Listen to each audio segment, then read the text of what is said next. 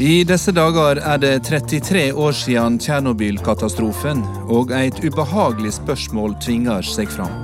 Er det atomkraft som skal berge oss fra klimakrise og undergang? Velkommen til disse dager på NRK P2, og velkommen til publikum her på Skatten på Tøyen torg. Sommerværet i år ble ikke helt slik som fjoråret, da det tikka inn varmerekorder fra det ganske land. Og vi som var på ferie, kunne glede oss over høye badetemperaturer, samtidig som vi visste innerst inne at rekordvarmen kunne være et ubehagelig tegn på klimakrise og kraftige endringer i været. Kan vi både være uroa for klimaendringene og motstandere av atomkraft, spør vi i denne utgåva av disse dager. For FN sitt klimapanel har slått fast at verden er i klimakrise, og at en del av løsninga er å øke produksjonen av atomkraft fra de 10% som kjernekrafta leverer i dag. Og slik det er i dag, så kommer for mye av verdens energiproduksjon fra forurensende råstoff som kål, olje og gass. Men bare ordet atomkraft vekker uro og dårlige minner. Og skrekkhistoriene om nedsmelting og radioaktivitet ble igjen aktualisert i vår med suksessen til TV-serien om Tsjernobyl-ulykka i 1986. Mange husker godt da de dårlige nyhetene kom med vinden fra øst en vårdag for 33 år siden. Og vi har akkurat fått melding om at Sovjetunionen har innrømmet at det har skjedd en ulykke ved et av landets atomkraftverk.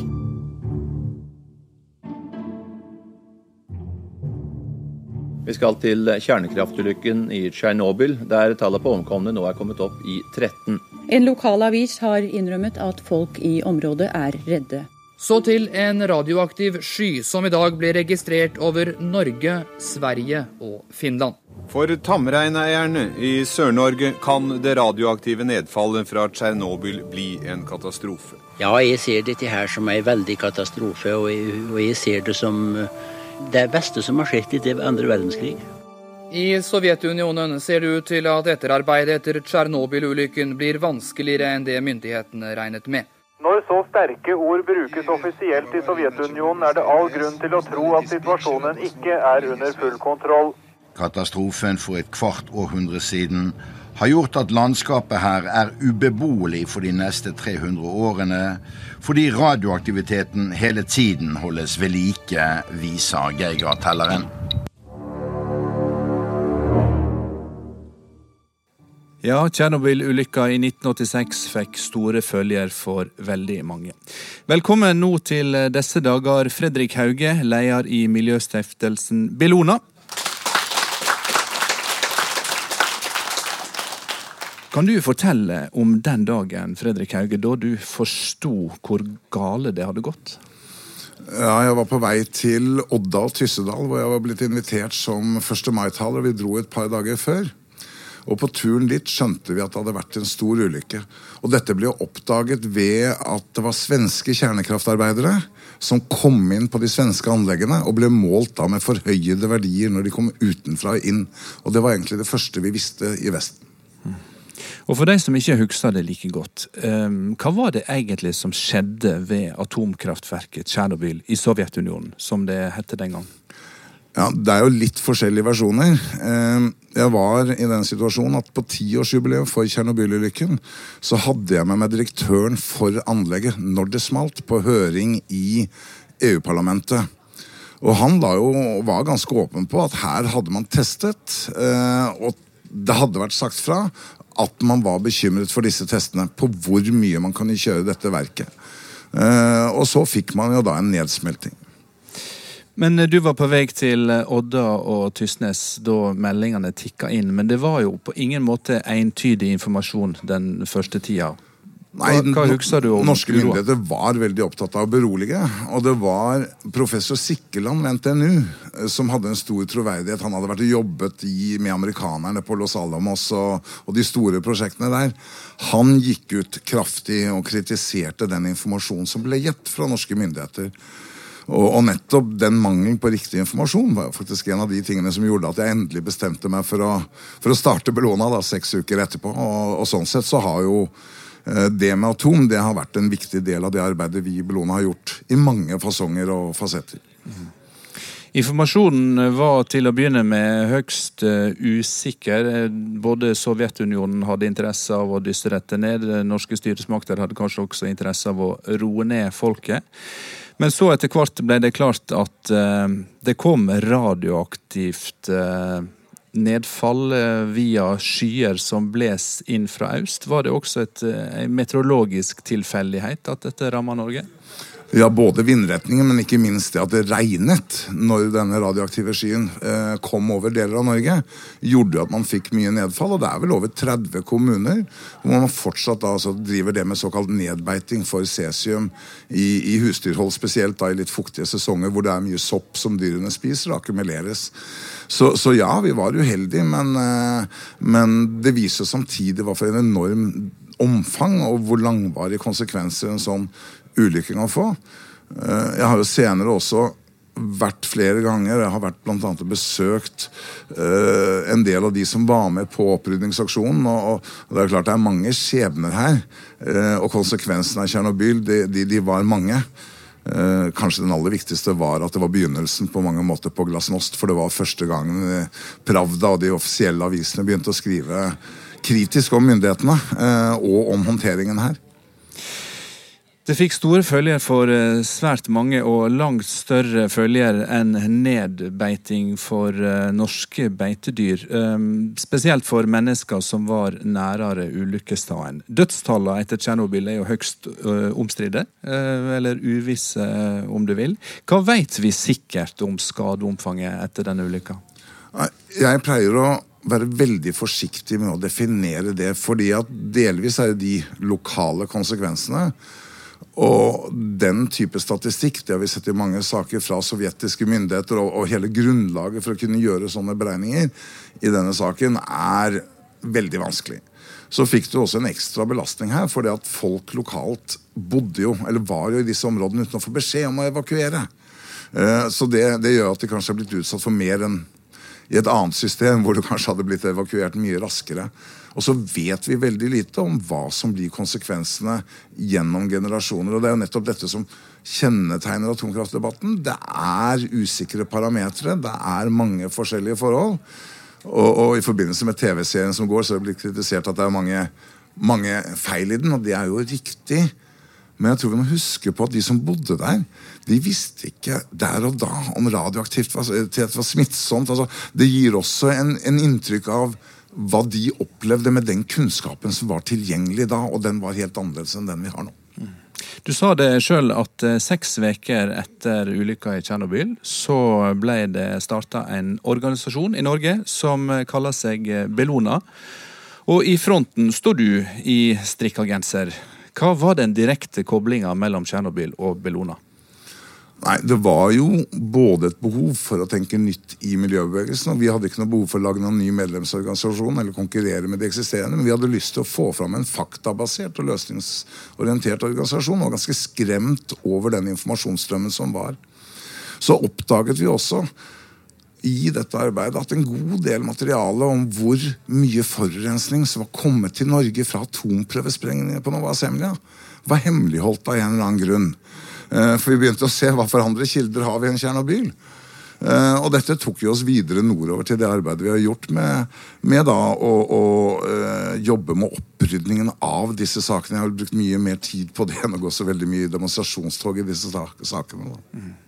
Hva gjorde hendinga i Sovjet, som det het den gang, med vårt syn, verdens syn på kjernekraft? Nei, for det første så lærer vi jo at dette er en usikker teknologi hvis man ikke har god kontroll. Og det er ikke alltid man har det. Det er noen risikofaktorer med store, store konsekvenser. Og så har det noen enorme konsekvenser når det gjelder kostnader. Altså Hvis vi ser nå hva som er brukt av midler for å bygge sarkofag, altså sikre dette området, så er jo det enorme summer.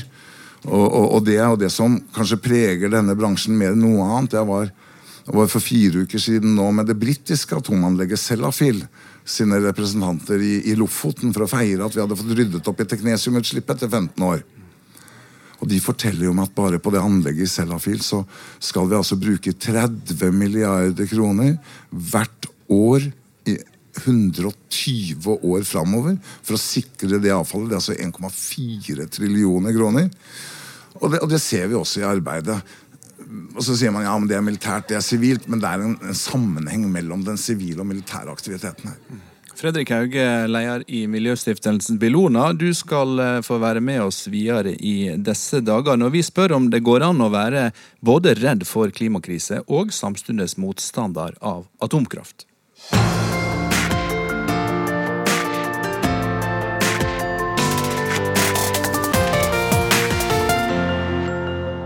Norge er ingen atomnasjon lenger. Vi har hatt eh, to forskningsreaktorer. Den i Halden ble stengt i fjor, og den på Kjeller i april i år. Men vi skal ikke lenger enn til nabolandet Sverige før vi ser de store skyene av vassdamp stige ut fra en av de åtte kjernereaktorene i Sverige, som sørger for om lag 40% av landets energi. Like fullt har vi her i landet et eget direktorat for strålevern og sikkerhet. Gi en, eh, hadde nær sagt, strålende velkomst til Astrid Liland. Astrid, du er beredskapsansvarlig i det som før het Statens strålevern. Hva er enkelt forklart din og dine kollegaer sin jobb? Vi skal sørge for at eh, Norge har eh, en eh, atomberedskap på plass, sånn at vi kan takle atomhendelser som gir konsekvenser i Norge. Ja, det var enkelt forklart. og til det så har dere målestasjoner mange steder for å spore noe som vi, heller ikke dere, kan se, lukte, smake eller høre, nemlig stråling. Hva er det som er farlig med stråling? Hvis du får veldig høye stråledoser, så vil du ødelegge DNA som er inni cellene dine, og som da vil gi store helseskader. Og det er jo det vi er bekymret for. Eh, ellers så er det jo sånn hvis det er litt eh, mindre mengde av stråling som kommer f.eks. gjennom mat, så vil du kunne få økt risiko for å utvikle visse typer kreft en del tid etter en ulykke. Og etter Tsjernobyl-ulykken så var det jo veldig mange barn som fikk kreft i skjoldbruskkjertelen fordi de hadde fått i seg mye radioaktivt jod, og det er jo en sykdom som er veldig sjelden hos barn, så det var veldig lett å kunne trekke sammenhengen mellom det de hadde fått i seg radioaktivt jod, og den økte risikoen de hadde for å få kreft i skjoldbruskkjertelen. Mm.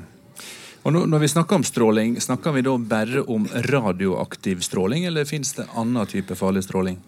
Det fins jo mye type stråling. Synlig lys er jo den ene. Du kan jo bli solbrent av det. Mm. Eh, men eh, det vi snakker om eh, som vi er opptatt av mest i atomberedskapen, er jo selvfølgelig denne strålingen som kommer fra radioaktive stoffer, og som har en veldig høy energi, og som kan gjøre stor skade hvis du kommer for nært det. Vi skal i denne sendinga snakke om atomkraft. Vi skal snakke om atomkraft som en mulig løsning på klimakrisa, fordi det gir oss eh, energi. Men eh, atomkraft er svært eh, kontroversielt. Klarer du å forklare oss uvitende hva atomenergi er for noe? I atomkraftverk så utnytter man den energien som kommer ved å dele opp uranatomer eh, til andre stoffer. Da frigjøres det veldig mye energi som får vann til å koke. Da produseres det vanndamp som driver en turbin, og som da gir eh, strøm ut på ledningsnettet. Så det er egentlig det samme som i andre typer eh, kraftverk, at du får produsert damp som driver turbiner. Det som er annerledes, er at man skaper en kjedereaksjon som skaper flere og flere spaltinger av disse uranatomene. Og den prosessen kan gå løpsk hvis man ikke har sikkerheten i orden. Og det var jo det som skjedde under Tsjernobyl-ulykken. Mm. Og det er jo nettopp på ting som kan gå løpsk at det øver dere og forbereder dere på et eh, verstefallsscenario. Hva er det verst tenkelige i ditt direktorat? Nei, altså Den verste typen uh, ulykker av sånn større karakter er jo hvis det blir en uh, katastrofal nedsmeltning på et kjernekraftverk. Eller på et fartøy som har um, atomreaktorer om bord. Uh, og langs norskekysten så er det både ubåter og andre fartøy også som har um, kjernekraftreaktorer om bord.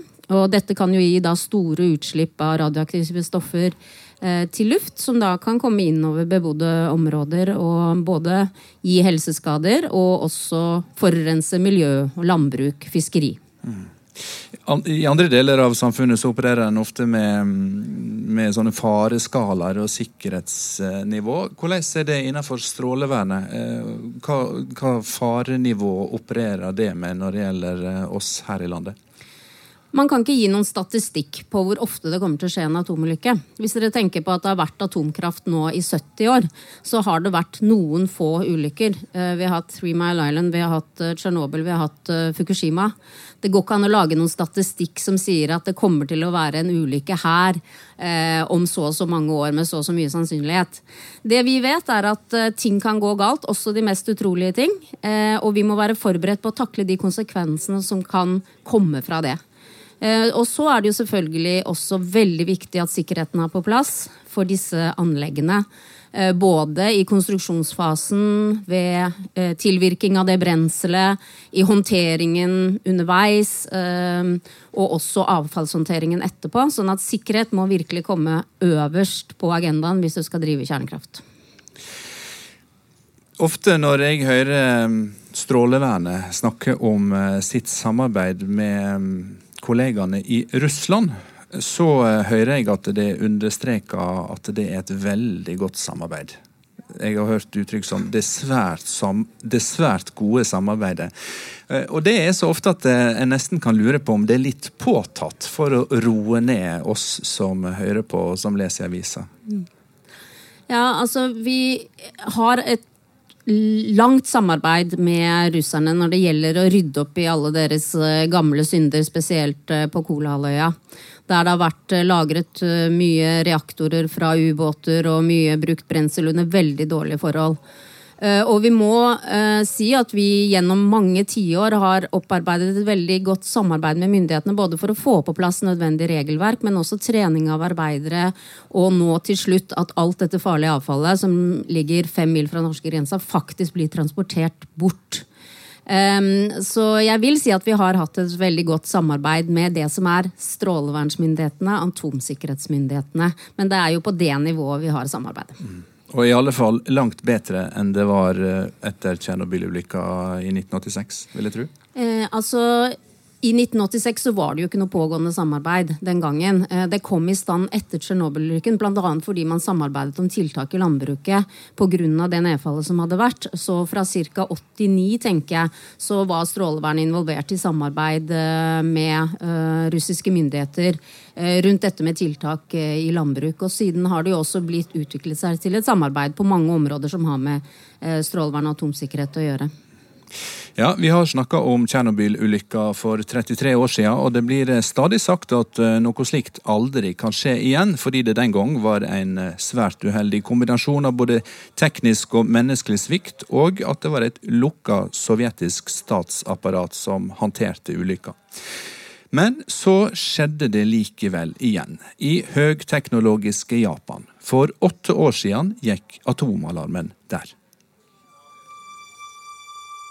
Japanske myndigheter har erklært unntakstilstand ved et atomkraftverk etter at kjøleanlegget sviktet. Ja, antall døde og savna etter naturkatastrofen i Japan er nå steget til over 20 000. Frykten var at Japan midt i katastrofen skulle få en atomulykke i tillegg. Rundt 25 mil nord for Tokyo er atomanlegget i ferd med å løpe løpsk. Utenriksdepartementet ber nordmenn som oppholder seg i og nord for Tokyo om å vurdere å forlate området.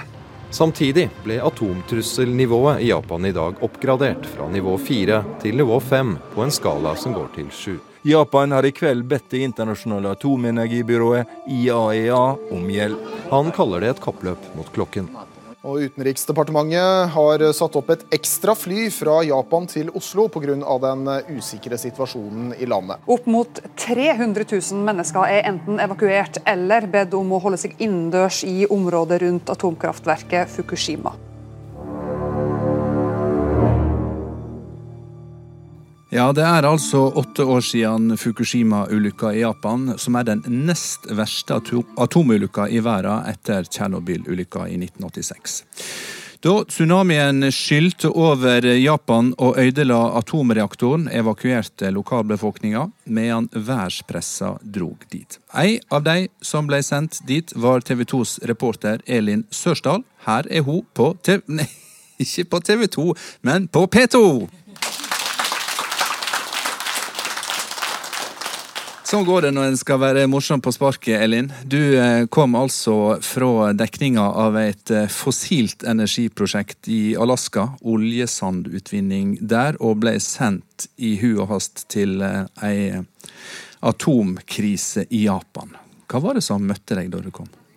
Ja, Vi landet i Osaka midt på natten, og det første som møtte oss, var hundrevis av vestlige, hva skal vi si Folk som jobbet i Japan. F.eks. vi traff en tysk familie. Far jobbet så vidt jeg husket i Siemens. Og de sa vi må komme oss ut herfra. Vi stoler ikke på myndighetene. De sier det ikke er farlig, men vi må bare komme oss ut herfra. Og dette var jo mennesker som jeg lett kunne identifisere meg med. Og tenkte at ok Eh, dette er interessant. Eh, og så dro vi videre til eh, Tokyo. Det er jo definert som verdens største by. Og der husker jeg vi tok taxi fra flyplassen inn til sentrum. Og jeg har vært i Japan før.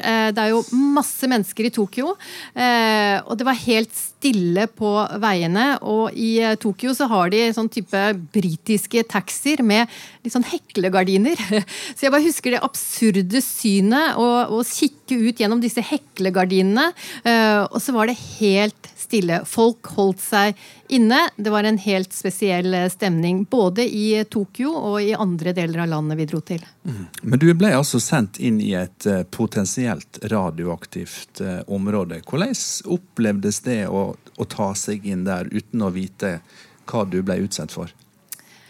Ja, i, i første eh, Altså først så dro jo vi til et jordskjelvområde, til et eh, tsunamiområde. Det tok jo noen eh, timer før vi skjønte at det også var en alvorlig eh, atomulykke. Og vi skjønte jo raskt at eh, det området der, det skal vi faktisk holde oss borte fra. Og det var jo et helt stengt område. Og det var ingen som døde eh, på atomanlegget av denne ulykken. Men det var jo nesten 16 000 mennesker som døde i denne tsunamien. Så vi dro jo da til de områdene som eh, lå nærmest episenteret, og hvor det var enorme ødeleggelser. Eh, og tok ikke den risikoen det var å dra mot atomanlegget. Der ville vi jo ikke kommet inn heller. Så på et eller annet tidspunkt så fikk norske norske hjemmeredaksjoner eh, panikk. Eh, og de fleste journalistene eh, dro tilbake. Plutselig så var fotografen og jeg over to sider i Dagens Næringsliv fordi vi var det eneste teamet som var igjen i, i Japan. Og det var en grunn til det, fordi at vi holdt oss hele tiden borte fra dette området. Du skal ikke vite så mye om stråling før du skjønte at vi var faktisk ikke i fare i de områdene som vi oppholdt oss i. Så Derfor så ble vi igjen, og vi var der i ti dager. Men det var altså en tsunami. Eh, store bølger forårsaka av et eh, veldig kraftig jordskjelv som eh, ødela eller gjorde skade på denne reaktoren. Hva var det egentlig som skjedde? Ja, det var jo først et jordskjelv, og så kom da denne tsunamien som ødela nødaggregatene som skulle gi strøm for å kjøle ned eh, reaktoren eh, da dette eh, atomanlegget ble slått ut. Det var altså det som, som skjedde. Det var tsunamien som, som førte til da en delvis nedsmelting av, av dette anlegget. Mm. Astrid Liland, du snakka i stad om at det i eh, Strålevernet må være forberedt på at, at det mest utrolige kan gå galt. Var Fukushima-hendinga ei sånn hending? At det var egentlig helt utrolig at det skjedde? Altså Ethvert eh, kjernekraftverk som mister kjølingen sin, er i store problemer. Og hvis de ikke får på plass kjølingen igjen, så vil du få en nedsmelting av kjernen. Da bygger det seg opp mye trykk, da vil du få en eksplosjon, og du vil slippe ut masse radioaktive stoffer. Eh, Så sånn sett så kan du jo si at eh, det var ikke helt utrolig, fordi at de mistet eh, kjølingen. Men det som var med dette, det? Men det som var problemet med dette kraftverket, var jo at det var en amerikansk design. Hvor de hadde alle nødaggregatene og nødsystemene sine i kjelleren. Fordi at i USA så er de redd for tyfoner og den type problematikk da, som ikke skal slå ut nødsystemene. Mens i Japan var jo det veldig ugunstig med tanken på tsunamifaren. Sånn at da oversvømte de jo alle disse nødaggregatene som de hadde. Så på en måte så kan du jo også si det at eh, her hadde man ikke tenkt godt nok igjennom sikkerheten på forhånd. Hva man skulle gjøre hvis det kom en så høy tsunami. Fordi den tsunamien som kom, var mye høyere enn det anlegget var bygget for å tåle. Elin, eh, Japan er jo et eh, velregulert eh, land. Et høyteknologisk og godt utbygd land. Så du det igjen i måten styresmaktene i Japan håndterte dette på? Ja, de ga jo informasjon, men som sagt, det er jo vanskelig å, for oss i hvert fall, å kontrollere den informasjonen. Og det jeg tenkte mye på, var noe jeg husket fra Tsjernobyl her hjemme.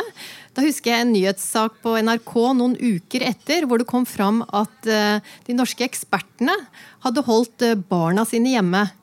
Men det var ikke det rådet som gikk ut til folket. Og eh, selv for 30, over 30 år siden så var jo Norge et, et velfungerende land. Et, et, land hvor man trodde hvert man kunne stole på myndighetene. Eh, og da tenkte jeg hva om det samme skjer her? Eh, at det er én type informasjon som går ut, og så gjør de som egentlig vet hva dette handler om, noe helt annet. Kanskje sender de barna sine ut av, ut av landet. Men som sagt, det var vanskelig for oss å verifisere den uh, informasjonen. Det var en uh, norsk uh, representant for Greenpeace som bodde der, som jeg husker vi brukte mye som både intervjuobjekt og som, som på en måte en, en, man kunne ringe til og, og, forsøke å høre hva som egentlig skjedde. Og så hadde vi hele tiden evakueringsplan. At vi undersøkte hvor kan vi dra kjapt og komme oss ut av Japan. Det måtte vi hver dag levere til hjemmeredaksjonen, en oppdatert evakueringsplan, hvis det skulle vise seg at det kom stråling i de områdene som vi var i. Men vi reiste jo da bl.a. til Hiroshima og lagde en sak om motstanden mot atomkraft som da oppsto i denne situasjonen. Og det var jo sånn at Japan stengte jo ned alle sine atomkraftverk etter dette. Mm. Og det er mange andre land som har redusert kraftig i si kjernekraft. Da du kom tilbake til Norge, Elin, så ble du tatt imot kollegaene til Astrid Liland, som sto klar med Geigertelleren. Ja, vi eh, reiste jo tilbake sammen med norske borgere som ble evakuert ut av Japan. Fordi etter eh, tsunamien i eh, Asia på begynnelsen av 2000-tallet, så fikk jo norsk UD veldig kraftig kritikk for beredskapen. Dette skulle da ikke gjenta seg, så man sendte et chartret fly til eh, Tokyo, så vidt jeg husker. Eh, hvor man da fraktet folk hjem. Og det var jo bare en liten håndfull som benyttet seg av dette eh, tilbudet. Men vi var nå med og lagde reportasje. Og da vi kom til Gardermoen, sto det liksom et helt helseteam, og vi kunne få all mulig oppfølging. Veldig flott, men vi følte ikke at vi var blitt utsatt for så mye stråling. Astrid Lilland fra Strålevernet, det finnes en lov som sier at det som kan gå galt, vil før eller senere gå galt. Er kjernekraft dømme på det? Ja, du tenker på Murphys lov? Mm. Eh, nei, jeg tror det, det som er veldig viktig, sånn som vi ser det, er at ting kan gå galt, og da må vi kunne håndtere de konsekvensene. Men vi må ha veldig stort fokus på sikkerhet for å sørge for at det ikke skjer. Og det gjør vi jo både med de norske anleggene, men også i samarbeid med andre land for å bistå til internasjonal atomsikkerhet da, på dette området. Men Også, kan, kan atomkraft sies noen gang å bli trygt? Det er jo ingenting i denne verden som du kan si aldri kan gå galt. Sånn at jeg vil si det sånn at med byggingen av nye kjernekraftverk så økes sikkerheten for hver gang du utvikler nye systemer, men vi kan aldri si at det aldri vil gå galt igjen. Takk skal du ha, Astrid Liland fra Direktoratet for strålevern og beredskap, og Elin Sørsdal fra TV 2, som rapporterte fra tsunamien og den påfølgende atomulykka i Fukushima i Japan i 2011. Verden trenger mer ren energi for å unngå klimakatastrofe. Er det atomkrafta som skal berge kloden? Det er spørsmålet nå i disse dager.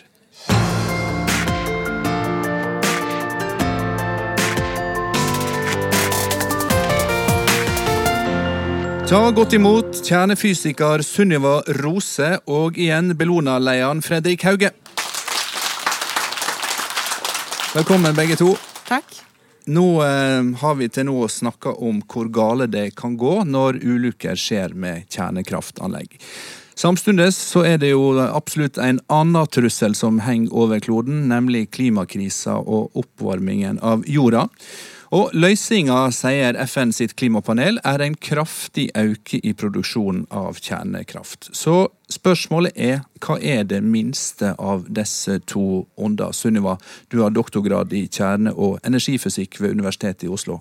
Altså for meg så er det en no-brainer at uh, klimakrisen er akutt. Og hvis vi, hvis vi, mener da, alvor når vi sier at dette er nå det er, jo, det er jo det klimapanelet sier. Og hvis vi mener alvor at vi tror på det klimapanelet sier, så ja, da er det nå. Eh, og så sier du ja, av, av to onder. Eh, vi har snakket, eller Dere har vært innom nå to, de to virkelig alvorlige ulykkene vi har hatt, Tsjernobyl og Fukushima.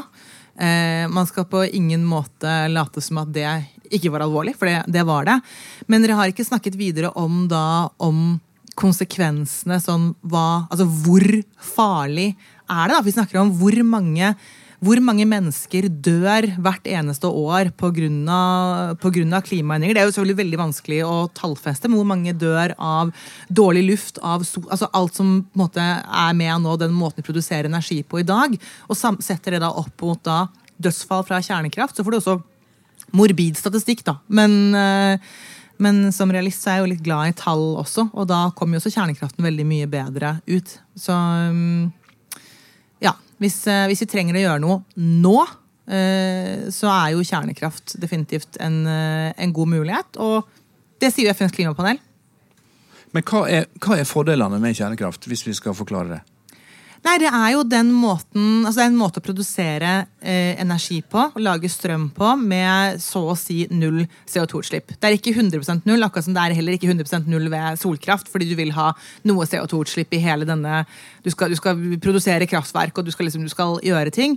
Men det er så å si null utslipp av CO2. Nettopp fordi, som Astrid Lillian sa her tidligere, at den måten man, varme, altså den måten man produserer varme på i et kjernekraftverk, den skjer ikke ved en forbrenning der hvor karbon og oksygen danner CO2, sånn som det skjer ved kull eller gass. Men det skjer ved at da tunge atomkjerner, f.eks. uran, tar og deler seg. Og det er ikke en forbrenningsreaksjon. Da frigjøres det bare energi som er varme. Som da koker vann. Du har tatt til orde for eh, at vi må for alvor snakke om å øke produksjonen av atomkraft. Eh, det er mange som mener det helt motsatte av deg. og om det så har du sagt at eh, det er kjemperart at klima- og miljøbevegelsen er så negative til kjernekraft. Hvorfor syns du det er rart? Det er selvfølgelig også for å sette ting litt på spissen. for Hvis man alltid skal snakke som en forsker, så blir det veldig eh, Ja. Eh, jeg syns Hvis jeg på en måte jeg har snakket med mange mennesker gjennom de årene jeg har holdt på med forskning. Og for meg så startet det veldig med Fukushima-ulykken. fordi da gikk det altså Jeg var bare to år i 1986, så jeg opplevde sånn sett ikke Tsjernobyl-ulykken, men jeg opplevde definitivt Fukushima-ulykken. Og da, da, havnet jeg i den litt underlige situasjonen at selv om jeg var nyansatt doktorgradsstipendiat på universitetet da, så havnet jeg på universitetets liste over hvem kan journalister ringe og snakke med hvis de lurer på et eller annet. Så det var sammen med mange andre folk også, men jeg kunne liksom kjernekraftbiten. Hva skjer i kjernekraftverk? Da begynte telefonen å ringe, og da kjente jeg på at telefon, disse telefonene skal jeg faktisk ta. Fordi folk er én interessert, og ganske fort skjønte jeg at og folk er redde. Eh, for meg så var det på en måte litt rart å sitte her i Norge at folk var, eh, var redde, men jeg, det var veldig interessant å, å høre på liksom, hva, hva, er du, hva er det du er redd for? Hva, hva, er, liksom, er det du tenker som, som, skal skje? Og det er jo da dette med stråling. Og, og jeg syns ikke det er rart at folk er redde for stråling. Det gjør jeg ikke. Fordi det er noe veldig, det er noe mystisk. Det er noe man har hørt om i negativ sammenheng. Du har hørt kreft, du hører fosterskader, du hører eh, alt som kan gå galt, og så er det usynlig, du kan ikke lukte det. Kan, tenk om det er rundt oss akkurat nå. ikke sant? Det er på en måte en sånn usynlig fare. Det er ikke rart at man blir redd for det. Men er det mer redsle enn kunnskap i sving? For veldig, veldig mange så er det det. Eh, og, og, men, men, så er det også da, det som også er viktig for meg, er at eh, man kan ikke bare si nei, det er ikke noe farlig. For det, blir, eh, det, er, det er ikke riktig. Det er også som Astrid Lilland sa, at det er jo noe som i Hvis du får store mengder av det, store doser, så er det definitivt farlig. Men så er det noe med den kunnskapen at stråling er noe som er det er rundt oss, det er i oss hele tiden. Og det er da altså også uavhengig av vår menneskelige aktivitet. Hvis vi går 10 000 år tilbake, så var det også i oss og rundt oss hele tiden. Og bare et eksempel på det er jo karbon 14, som jeg tror alle, alle har hørt om karbon 14-datering. og Det er jo en av disse radioaktive stoffene som alle ting som er laget av karbon, enten det er mennesker eller vikingskip, eller hva nå enn, har jo da en liten andel radioaktivt karbon i seg. Mm. Så det å på en måte få tall på, altså tall på ting, da, og for å sammenligne da med Fukushima. Eh, og selvfølgelig, Når man står midt oppi en ulykke, så vet man jo heller ikke hva, hva er konsekvensene. Hva er det egentlig som skjer her? Men når man ser i Så selvfølgelig, det, det er ikke rart at man blir redd da. Jeg vil helt sikkert være redd selv også hvis jeg hadde vært i Japan på den tiden. Men når du ser på da de dosene som japanere har fått, også med tillegg fra Fukushima, så selv det verste året, altså fra Fukushima ett år etterpå, så er det lavere enn det du og jeg her i Norge får hvert eneste år ved bare leve og bo og spise i Norge. Fredrik Hauge, stadig daglig leder i Bellona. Blir du det minste påvirka av denne argumentasjonen? Du har armene i kors, så derfor jeg spør. Jeg sitter og hører på. Um, og for det første så tror jeg åtte år etter Fukushima at vi skal være veldig forsiktige med å si noe om hva egentlig de langsiktige helsekonsekvensene er. Uh, jeg tror vi begge er enige om at stråling det er ikke bra i forhøyede konsentrasjoner i forhold til hva vi mottar i det daglige livet. Jeg har vært og jobbet i en del av de områdene. Jeg har vært og jobbet med landsbyer i Russland i 15 år for å få de evakuert. Eh, det har vi fått til. Jeg har vært og filmet folk som dør av leukemi på sykehusene. Jeg vet at dette er farlig. Men jeg har jo et ganske avslappet forhold til det. Jeg har trapsa mer oppi radioaktivt avfall eh, eh, enn de aller fleste. Jeg har løpt. Jeg har vært steder hvor du får dødelig dose på noen minutter. Så, så jeg er ganske avslappet til det. Eh, men for meg så handler det om at når vi snakker om disse tingene, og snakker, du nevnte FNs klimapanel, så må vi se Du er glad i matematikk. Um, hvis vi tar de scenarioene i FNs klimapanel som tar oss under to grader, og ser da på kostnaden og hvor vi bør prioritere ressursene, så er jeg helt klar på at alle de ressursene du vil prioritere på atomkraft, de vil jeg prioritere på CO2-fangst og -lagring. Og det er så mye dyrere å nå klimamålene hvis ikke vi får på plass CO2-fangst og -lagring. De scenarioene som tar oss under to grader, så er det sånn, da blir det 7% dyrere å legge ned alle atomkraftverkene i verden, mens det blir i snitt 130% dyrere hvis ikke vi har CO2-fangst og -lagring. Det er lange utviklingsbaner på atomkraft. Se hvor lang tid det har tatt å bygge kraftverket i Finland. Eh, CO2-fangst og -lagring kan man ta i bruk på en helt annen måte. Og det løser også prosessindustriens CO2-utslipp. Men Hauge, verden trenger mer energi. Og eh, så viser det seg at kjernekraft er den energikilden som er klart tryggest, hvis en eh, sammenligner antall eh, døde med hvor mye energi som blir produsert. Dette har gått fram av en analyse i det anerkjente Lancet. Er det er det helt utenkelig at kjernekraft kan være, om ikke hele, så deler av løsninga på klimakrisa og behovet for ren energi? Ja, men, men, men, igjen, hvis vi da ser rent faktisk hvordan vi skal skalere opp teknologi, eh, så er vel kjernekraft 10-12 av, av elektrisitetsproduksjonen i verden i dag. 10,5. 10,5, ja, og ikke så langt unna. Uh, og så tar det å få tillatelse, lokale utviklingsplaner Det tar 15-20 år ofte. Og vi skal halvere utslippene de neste 15. Og da må vi tørre å prioritere de økonomiske ressursene. Det er ikke kjernekraft nå som løser problemet. Det er CO2-fangst og -lagring. Få fokus på det. Det er det som gjør jobben. Og så har jeg lyst til å si en ting til. Hvis vi integrerer kostnadene med avfall Og da er det Sverige og Finland som har kommet lengst kanskje med å bygge lager. Eh, Jeg tror jeg har en god del av ansvaret for det finske lageret i og med at vi stoppet atomeksporten fra Finland til Russland. Det er dyrt. Og i Sverige, det siste nye der nå, er at de bronsebeholderne som avfallet skal lukkes inn i, i dette fantastisk dyre lageret, de begynner å få korrosjon, og at man må gjøre om på store deler. Så vi har fortsatt ikke funnet en endelig løsning.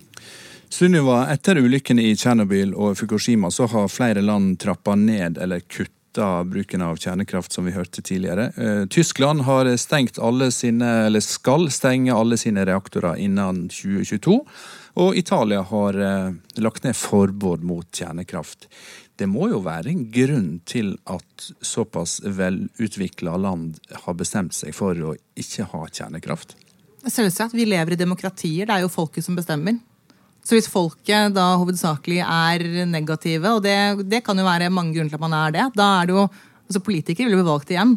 Politikere vil helst ikke gjøre så veldig upopulære, upopulære ting, og vi lever ikke ved å gjøre eh, altså Ingen av oss er 100% rasjonelle, og det tror jeg ikke vi skal være heller. Men, man, Men er dette i, i ditt eh, hadde nær sagt kjernefysiske hode eh, Er dette populistisk og irrasjonelt, slik du ser det som eh, Jeg ser det som irrasjonelt. Og jeg er jo Jeg syns det er litt fascinerende at em, at folk, og ja, miljøbevegelsen og folk, eh, jeg også, er eh, vi er veldig, og de fleste av oss er veldig opptatt av å si at eh, når vi lytter til FNs klimapanel, nå sier de dette, nå snakker de om to grader, de snakker om 1,5 grad, da må vi lytte, og alle må lytte, og de har rett. Men når de da begynner å snakke om kjernekraft, da, da skal vi ikke lytte lenger. Da skal vi ikke høre på det de sier. Det syns jeg er underlig. Jeg er kjernefysiker, så jeg kan ikke si noe om altså jeg kan ikke de analysene som FNs klimapanel gjør. De, de skal jeg ikke uttale meg om, men jeg hører hva klimapanelet sier, og jeg har stor respekt for FNs klimapanel. Jeg har bare lyst til å spørre, Hvis du skulle satse fullt på atomkraft, vi er på 10,5% i dag, hvor, hvor stor del Hvor lang tid, hvis du fikk det som du ville, og full peis på atomkraft, hvor lang tid vil det ta å komme opp i 25% av verdens energiforsyning? Dette er overhodet ikke mitt fagfelt, så det Nei, kan jeg men, ikke men, si men, men det er noe med at når du går ut som forsker og sier det du sier, så må du også kunne legge fram en del utviklingsbaner som gjør at dette er et våpen som virker i klimakampen. Jeg refererer jo egentlig til FNs klimapanel her, da. Jo, men FNs klimapanel sier også at det blir bare 7% dyrere å nå klimamålsettingen hvis vi legger ned. Men hvorfor sier de at, skal, at kjernekraft Nei, er en del av løsningen da? Altså, Jeg har jo først først og fremst opp, vært opptatt av å rydde opp etter Ja. denne industrien. Jeg har ikke gått mye demonstrasjonstog den ene eller andre veien. Men når du sier at dette er en del av løsningen, og vi ser Nei, hvor langt FNs klimapanel sier at det er en del av løsningen. ja, men, men, men, men, siden FNs klimapanel har vi fått enda kortere tid. Det gjør atomkraft enda mer uaktuelt i forhold til f.eks. CO2-fangst og -lagring. For vi må se på hvilke teknologier kan vi skalere opp. Og så- der er jeg og helt så- og så enig med, med deg og FNs klimapanel. fordi de, jeg, jeg er veldig på den derre Hvorfor skal vi fokusere kun på det ene og på det andre? Jeg håper jo og tror jo at en dag så kommer vi til å kunne få all energien vår fra solen, som er fantastisk, og som kommer til å være der og fortsette å stråle inn med samme intensitet så lenge det er mennesker på jordkloden. Men vi er ikke der nå. Men, men, men samtidig så har du hatt flere utspill hvor du snakker om thorium, du snakker nye te teknologier, nye reaktorer osv. Er det noe i de utviklingsbanene som gjør at du synes det ser ut rent teknisk, og, og det å skalere opp dette raskt nok, som gjør at dette er et svar? De gangene jeg har snakket om thorium, så er det fordi jeg har fått eh, spørsmål om hva er greia med thorium. Da snakker jeg kun om ja, hva er greia med thorium. Jeg pleier, Nå skal vi komme tilbake til det senere. Vi skal spørre deg eh, om i hva som er greia med eh, thorium litt. Så når jeg, når jeg uttaler meg om eh, Egentlig er jeg ganske opptatt av å kun være kjernefysiker. Snakke om hva er greia. Hva er greia med kjernekraftverk? Hva er, eh, hva er, er fare med ditt og fare med datt? Det som faktisk er faget mitt. Faget mitt er ikke hvordan tar vi og, og skalerer opp dette. Så der, som sagt, jeg refererte FNs klimapanel. Jeg syns det er litt rart. Men du refererer det veldig subjektivt. Ok. Russland har nettopp sjøsett verdens første flytende atomkraftverk. Det enorme skipet som huser atomkraftverket kan løse energiforsyninga i nord, mener Russland, mens eh, miljøforkjempere eller motstanderne mot dette anlegget har kalt det et flytende Tsjernobyl. Og da spør jeg først deg, Sunniva, er dette ei teknologisk nyvinning? Var det flytende kraftverket? Jeg er ikke egentlig kjent med, med det, så det tør jeg ikke si så mye om. Fredrik Hauge, er du enig med de som kaller det et flytende Tsjernobyl? Vi har vært om bord der. Og vi har vært om og vi har jobbet mye med atomministeriet i Russland. Jeg har lyst til å si at det vi ser eksempel, i det arbeidet vi deltar i Andreva-bukta, hvor det ligger 22 000 brukte brenselselementer, så er det en ganske god og høy kvalitet på det arbeidet som utføres. Synkende Tsjernobyl det har vært for meg de 108 reaktorene vi nå er ferdig med å løfte opp av vannet. Uh, sånn at Faren til dette kraftverket er jo kanskje først og fremst knyttet til at det er koblet til et kjølesystem på land. Og hvis det må på noen som helst måte frakobles, så har man ca. et døgn backup.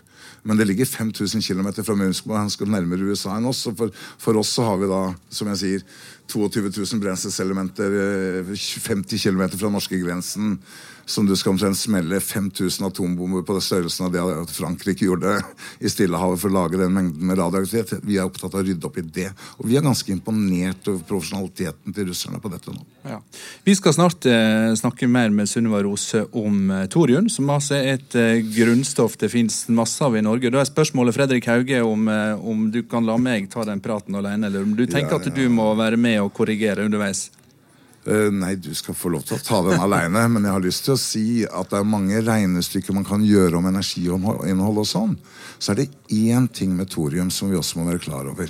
Det vil kreve svært mange sentrifuger for å oppkonsentrere dette, og det representerer også en betydelig fare når det gjelder spredning av ikke heldig teknologi. Og de som ikke kan eh, ordet thorium, eller veit hva det er, kan bare holde seg ved apparatet litt til, så kommer det svar. Takk til deg, Fredrik Hauge, leder i Bellona. Sunniva, du blir altså med videre når vi åpner, det, åpner opp det som kunne ha blitt et nytt kapittel i norsk energihistorie. Og stikkordet er altså thorium. Du hører NRK P2.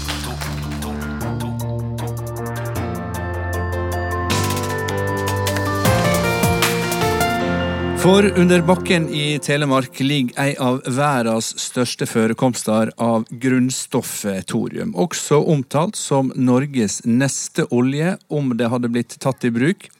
Det er fordi energiinnholdet kan være 120 ganger eller 1000 ganger, det er det få som vet, i alle fall veldig mye høyere enn i all olje og gass på norsk sektor. Sunniva, eh, nå skal jeg omtale deg som eh, Dr. Rose, det er det du sjøl kaller deg på bloggen din. For du har skrevet doktorgradsavhandling om nettopp thoriumforekomsten i Fensfeltet. Aller først, hva er thorium, og hva kan det brukes til? Thorium er som sier, det er et grunnstoff. Det er et lett radioaktivt uh, grunnstoff som uh, og det er, det er oppkalt etter tordenguden Thor. Derfor heter det thorium. Og det ble oppdaget i Norge av en svenske. Uh, det, det, kan brukes som brensel i kjernekraftverk. Og, og da er det med vekt på kan. For det er ikke bare helt rett frem å gjøre det. Fordi eh, for at thorium skal kunne brukes i et kjernekraftverk, så må det faktisk, eh, må det faktisk gjøres om til uran. Eh, og for å gjøre det, så trenger du nøytroner. Nøytroner det får du når du har denne, en tung atomkjerne som deler seg i to. Nå har vi bare i denne sendingen så har vi sagt Den deler seg i to, så får du energi. og det er riktig, Men du får også et par nøytroner til overs som på en måte som fyker rundt. Og Det er disse nøytronene som da i et vanlig kjernekraftverk gjør at du kan få denne kjedereaksjonen. så De er viktige. Jeg pleier noen gang å kalle det sånn for å få et bilde på at det er, er flammen i reaksjonen. på en måte. Det er jo ikke en flamme, men ja, det driver det videre. Disse nøytronene vi trenger dem da for å drive kjedereaksjonen, men de kan også da brukes til hvis de treffer en thoriumatomkjerne så kan den bli omdannet til uran. Men det er da en annen eh, type, altså en annen isotop av uran. Det er en annen utgave av uran enn den vanlige som er i uranbrensel. En... Nå strekker ikke vekttallene mine lenger til. men, det er, men, det er, derfor det blir komplisert. Skal, så jeg kan, bare, jeg kan, godt si helt kort da, på en måte, Headlinen er ja, det kan brukes som brensel i kjernekraftverk. Og hvis vi gjør det på en smart måte, som da er litt vanskelig å få til, så vil vi kunne få betydelig mindre langlivet radioaktivt avfall. Vi snakker da at vi får avfall som er helt borte på et par hundre år. Men det er, som, det er best case scenario, og det er ikke helt rett frem å få til. Så thorium kan brukes som brensel i kjernefysiske reaktorer Ja. etter en lang og komplisert eh, prosess. Ja. Og det gir mindre, eller kanskje ikke mindre, men det gir avfall som det tar kortere tid å bryte Både, ned. både mindre, og, altså mindre av det i mengde, og definitivt mindre av det når det gjelder da radioaktivitet. Da. Ja. Er det andre fordeler ved å bruke thorium i kjernekraft enn at det blir mindre avfall som Jeg pleier å trekke fram det som det viktigste, men så er det sånn at eh, ja, Du nevnte Norge har mye thorium, men det er, i snitt så er det cirka, det er fire ganger mer thorium i verden enn uran. Sånn at hvis vi, hvis vi skal skalere opp kjernekraft, så vil jo faktisk da uran som en råvare kan jo da bli en knapp ressurs, og da vil jo det at man har thorium også være med. En annen ting er at det er mye vanskelig å lage våpen med det. Det er ikke umulig. Eh, og det er litt igjen tilbake til som Astrid Liland sa. at liksom, vi kan aldri si, altså, Som realister så kan vi på en måte ikke si at nå er det 100 sikkert eller nå er det 100 umulig. altså Det er veldig få ting som kan sies sånn som det. Eh, det er mye vanskelig å lage våpen med det. Eh, så, så man kan si sånn at eh, Å lage kjernefysiske våpen av uran, hvis du først har tilgang på det, det er enkelt. Enkelt i anførselstegn, da, men, men det er på en måte ganske rett frem. Eh, hvis du skal gjøre det med thorium Du kan ikke gjøre det med thorium i seg selv. Så må du først gjøre den prosessen med at thorium må inn i en reaktor og gjøres om til uran, og så må du skille det ut. Og så er det sånn at når, når dette først skjer, skjer, så får du også produsert eh, noen radioaktive stoffer som er, de har kort halveringstid, så de er ikke et problem som med lagring. Men når du tar dette ut av reaktoren for å lage våpenet ditt, så, så er det så radioaktivt at du får en dødelig dose på veldig veldig kort tid. Så du må i hvert fall være martyr, det kan man selvfølgelig se for seg at man er, da, men for, for, å lage, for å lage våpen på denne måten. Men det er også en veldig mye mer omstendelig prosess, så hvorfor skal du gå veien om den når du da uansett kunne gjort det med uran, da. Men, Men- jeg, jeg må si en ting til, for den, det, det som også er bra med den radioaktive, som jeg sa, som er, som er på en måte vanskelig for å lage våpen, gjør også at det er veldig lett å skulle oppdage om noen prøver å smugle med seg dette her. fordi at det er, det er sånn at forskjellige radioaktive stoffer, når de sender ut en gammastråle, eksempel, så blir det altså, Det er som fingeravtrykk. Det er spesielle signaturer for forskjellige stoffer. så Du, kan, du, kan, du trenger ikke på en måte se inni en lastebil. Du kan si her er det faktisk noen som driver og tar med seg det stoffet der. Og det er sånn, Jo mer radioaktivt det er, jo lettere vil det være å detektere det. Så det er jo som fordel, da. Mange fordeler med grunnstoffet thorium, Ja. hvis en skal uh, høre og tro på Sunniva Rose. Spørsmålet er, når det da ligger et sånt enormt uh, felt, Fensfeltet i Mm. Telemark, eh, hvorfor er det ikke tatt i bruk? Nei, altså, en ting er at Per i dag så er det jo ikke et marked for det. Hele, hele atomindustrien i verden i dag er bygget opp rundt, eh, rundt uran. Eh, og per i dag så er uran et relativt billig eh, råstoff. Sånn at eh, jeg tenker at de som da er i industrien, de har jo ikke noe ønske om at thorium skal komme inn nå. For det er sånn, her har man ting som funker, og det er liksom, du, du er der rett frem. Sånn at de har jo ikke et insentiv per i dag på å liksom bygge ut på det. Så det er én ting, så det er ikke et marked for det.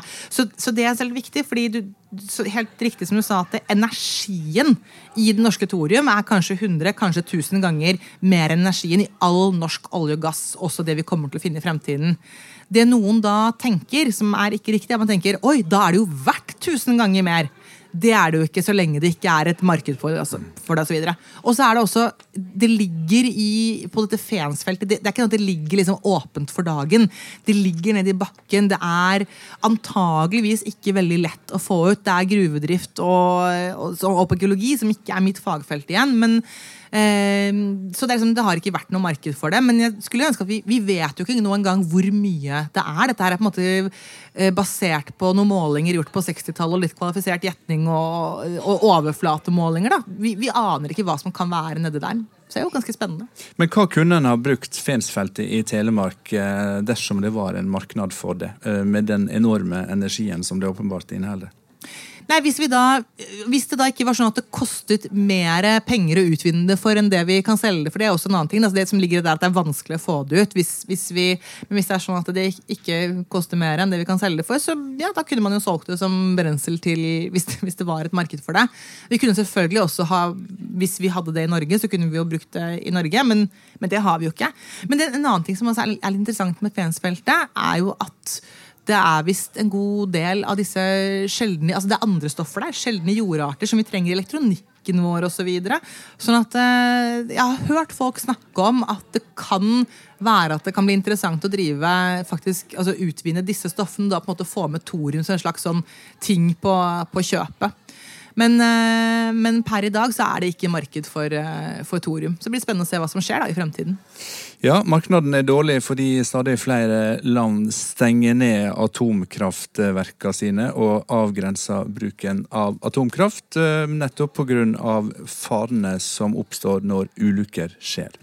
Takk skal du ha, Sunniva Rose, kjernefysiker, for at du kom til disse dager. Du var siste gjest ut i dag. Takk også til publikum her på Skatten på Tøyen, og eh, takk til de som var med å lage denne sendinga. Reporter Ola Solheim, teknisk ansvarlige Geir Døhli Gjersjø og Helge Thorsdotter Svensson. Produsent som vanlig Ragnhild Vartdal og programleder Håkon Haugsbø. Send oss gjerne en e-post på disse dager, krøllalfa nrk.no, og møt gjerne opp som eh, publikum. Du finner invitasjonen vår på Facebook. Takk for følget, og god ferie til deg som har det.